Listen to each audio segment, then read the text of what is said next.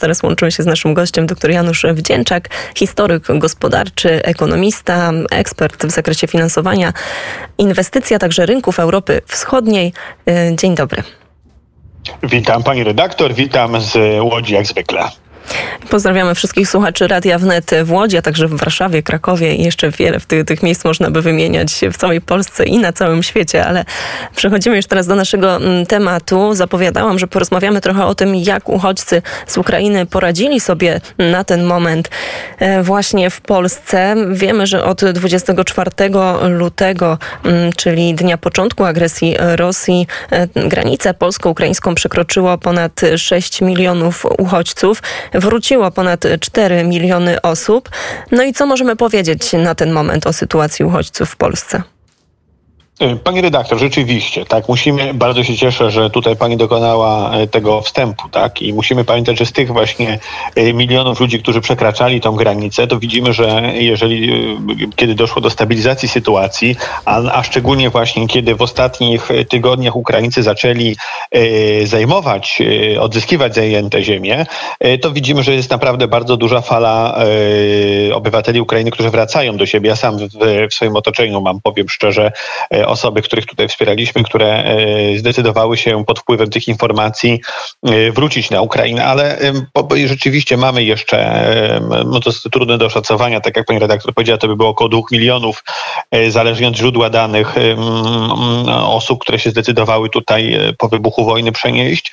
I mamy dość tutaj szczegółowe dane dotyczące tego, ilu z nich znalazło zatrudnienie na podstawie tych, tym takich właśnie specjalnych przepisów dotyczących właśnie zatrudnienia y, w Polsce uchodźców. No według, z tego co pamiętam, to w okresie wakacyjnym była to, y, to liczba ponad 350 tysięcy osób które znalazły zatrudnienie. Pani redaktor, należy zauważyć, też mogę powiedzieć, że jak na 2 miliony 350 tysięcy to wcale nie jest y, tak dużo, tak? Ale y, chciałem zwrócić uwagę, że proszę zauważyć, jaka jest struktura tych y, uchodźców, tak? Przede wszystkim były to kobiety z dziećmi, więc widzimy tutaj, że dość dużo dzieci, czyli osób jeszcze przed wiekiem produkcyjnym, dość dużo także osób starszych przyjechało, więc powiem szczerze, 300, 350 tysięcy oczywiście mogłoby być więcej, ale, ale, ale to też jest całkiem pokaźna liczba. To po pierwsze, a po drugie należy pamiętać, że to, o czym rozmawialiśmy, pani redaktor, w, w lutym, tak, było pytanie, y, co z tymi uchodźcami.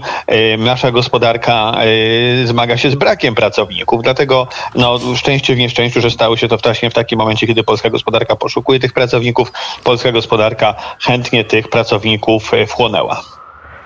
No właśnie, bo podkreślił, podkreślił Pan tutaj e, strukturę tych osób, które przyjechały. Faktycznie w dużej mierze mm, to były albo kobiety e, z dziećmi, albo osoby starsze, więc nagle ta liczba 300, ponad 300, tak, 50 tysięcy osób, mhm. no nie wygląda e, wcale na małą liczbę, ale też pytanie o takich wykwalifikowanych pracowników albo o te osoby, które chcą w Polsce po prostu w szybkim czasie nauczyć się języka, zdobyć nowy zawód. Nie musimy tutaj mówić o żadnych konkretnych statystykach, ale jakby Pan ocenił, czy jest taki trend, jest taka tendencja?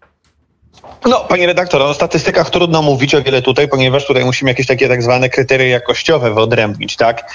Yy, rzeczywiście jest to dość duże wyzwanie yy, dla polskiej gospodarki, ponieważ no, bardzo wielu, yy, mówię, nie mamy tutaj pełnych danych, ale bardzo wielu z tych pracowników, którzy przyjechali, znaczy tych uchodźców, którzy tu przyjechali, podejmuje się prac takich w miarę prostych, tak? Oczywiście polska gospodarka potrzebowała tego typu pracowników, tak? I dlatego mówię, no, mm, proszę zauważyć, pomimo tego, że pojawiły pojawiły się 2 e, miliony e, osób, znaczy zostałem przy tych 2 milionach, które tu zostały i 350 nowych pracowników, 350 e, tysięcy nowych pracowników, no to bezrobocie w Polsce nie wzrosło, prawda?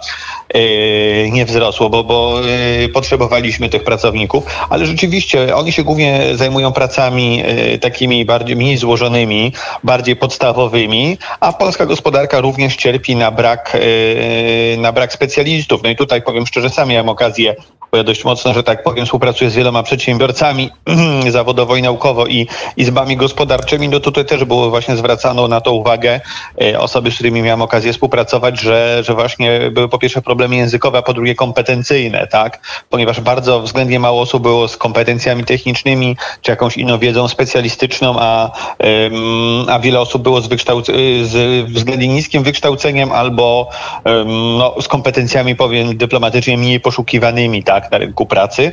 Więc rzeczywiście, tak, też jest pytanie, ilu z tych pracowników będzie chciał podnosić swoje kompetencje. Na przykład sam miałem okazję poznać jakiś czas temu panią prawnik z Kijowa, panią mecenas, która tam miała prawo wykonywania zawodu, miała bardzo dużą wiedzę i też wysoki, nie ma co ukrywać, status społeczny, no ale w Polsce po pierwsze nie zna języka polskiego, a po drugie no prawo polskie różni się od ukraińskiego, więc miała problem, żeby już nawet, żeby jakieś funkcje doradcze pełnić, nie? Mówiąc już o roli pełnomocnika, tak, jako adwokaty czy adwokata czy radcy prawnego, więc no tego typu problemy cały czas też spotykamy. Tylko branża IT, pani redaktor od razu y, zaangażowała wszystkich, których mogła. Tam te kwestie językowe są mimo wszystko y, no, drugorzędne. Panie doktorze, jakiś czas temu rozmawialiśmy o odbudowie Ukrainy i o tym, w jaki sposób może za, mogą zaangażować się tutaj polskie firmy. W sposób szczególny staraliśmy przyjrzeć się tym małym, średnim przedsiębiorstwom. Czy coś w tym kierunku więcej zaczęło się dziać?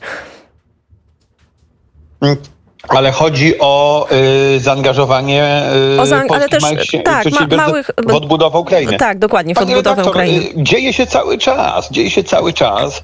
Ja powiem szczerze, właśnie jestem po dość takiej rozbudowanej dyskusji na ten temat, ponieważ y, mm, no, są y, naciski na różnego rodzaju instytucje pa, państwowe, rządowe, ale również samorządowe, żeby tym się zajmowały i tylko to troszeczkę pomylenie pojęć, tak? Ponieważ ja zawsze powtarzam, że w roku 80 MGV é um tema zdecydowaliśmy się w Polsce na gospodarkę wolnorynkową.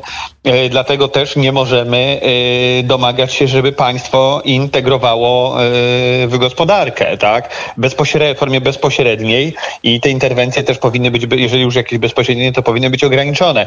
A tymczasem mamy, no powiem szczerze, takich dyskutantów właśnie, szczególnie w przestrzeni medialnej czy social mediowej, którzy są generalnie zwolennikami wolnego rynku, tak się deklarują, a jednocześnie domagają się, żeby państwo polskie, rząd polski tych przedsiębiorców polskich jakoś tam y, umiejscowił na tej Ukrainie, tak? Szczególnie właśnie małych i średnich, bo co do spółek Skarbu Państwa, to akurat tutaj nie ma wątpliwości. No i oczywiście rząd polski podejmuje y, pewne inicjatywy na rzecz, y, tu szczególnie Ministerstwo Rozwoju i Technologii podejmuje, y, podejmuje bardzo dużo inicjatyw w tą stronę. No tylko powtórzę, no podstawowy akcent to musi być położony mimo wszystko na aktywność samych przedsiębiorców, oczywiście polski rząd może spróbować im zagwarantować dostęp do jakiegoś rodzaju zamówień, tak?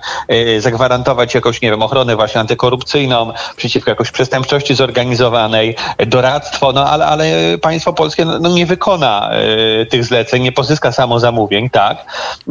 Więc y, mamy nadzieję, że tutaj i też widzimy, że różnego rodzaju organizacje zrzeszające biznes, mali, średni przedsiębiorcy sami próbują e, na tą Ukrainę, z tą Ukrainą rozmawiać, szukać ukraińskich, e, po ukraińskiej stronie partnerów i rozwijać. Tak? No ja też ze swojej strony bardzo apeluję o to, żeby właśnie to polscy przedsiębiorcy wzięli los w swoją stronę, no bo zwracanie się do rządu, tak, tej czy innej opcji politycznej, żeby animował rozwój przedsiębiorczości, no to jest troszeczkę pomylenie pojęć.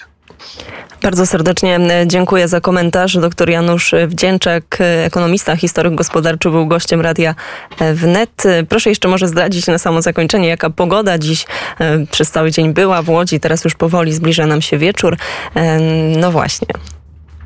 Pani redaktor, pogoda w Łodzi jest e, jak zwykle piękna. E, wprawdzie mamy duże zachmurzenie i pada deszcz, ale to jest kwestia lokalnego patriotyzmu. Na pewno nastroje w Łodzi są zdecydowanie lepsze niż w Moskwie, gdzie po decyzji Władimira Putina o rozpoczęciu mobilizacji na giełdzie doszło do paniki.